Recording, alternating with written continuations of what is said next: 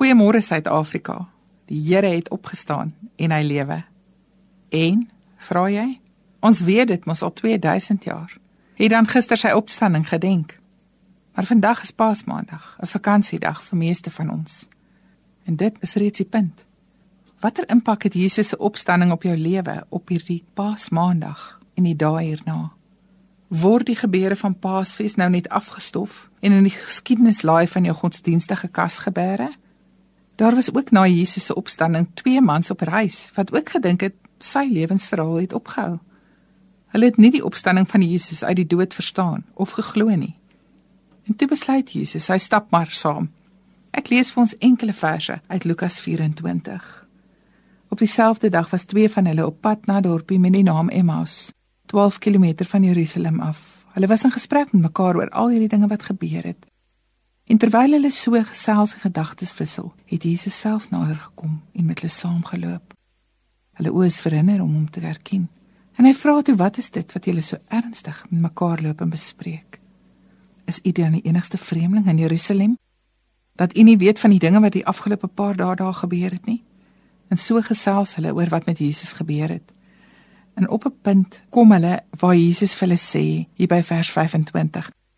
Wat gebrek aan begrip en wat 'n traagheid van gees. Glo julle dan nie al die dinge wat die profete gesê het nie? Moes die Christus nie hierdie dinge lei om in sy heerlikheid in te gaan nie? Daarna het hy by Moses en al die profete begin, al die skrifuitsprake wat op hom betrekking gehad het, vir hulle uitgelê.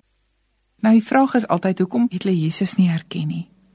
En dalk is die antwoord nie so moeilik nie. Dalk kan ons sê dat hierdie twee mense wat Jesus van tevore geken en gevolg het, dalk nie regtig besef of geglo of geweet het dat hy die Messias soos voorspel is nie.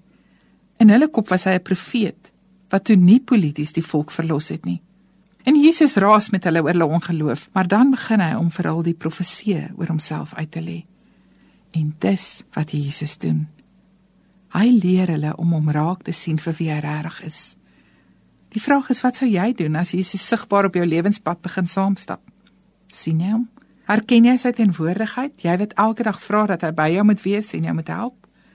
Hoe sal jy weet God is regtig lewend en betrokkend in jou lewe en dat jy hoegenaamd eers op sy radar verskyn?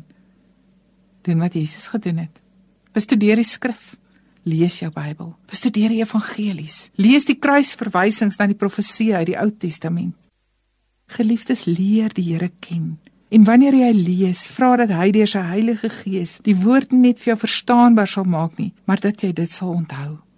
Vra vir God om sy woorde in prentjies in jou kop en in jou hart te bære, sodat dit soos 'n fotoalbum word waardeur jy kan loop en blaai elke tree van jou lewe. Dit sal jou help om Jesus se ingrype te herken en raak te sien. Here, ons glo U het opgestaan. Gee dat ons U daagliks in en deur ons lewe sal raak sien. Asseblief. Amen.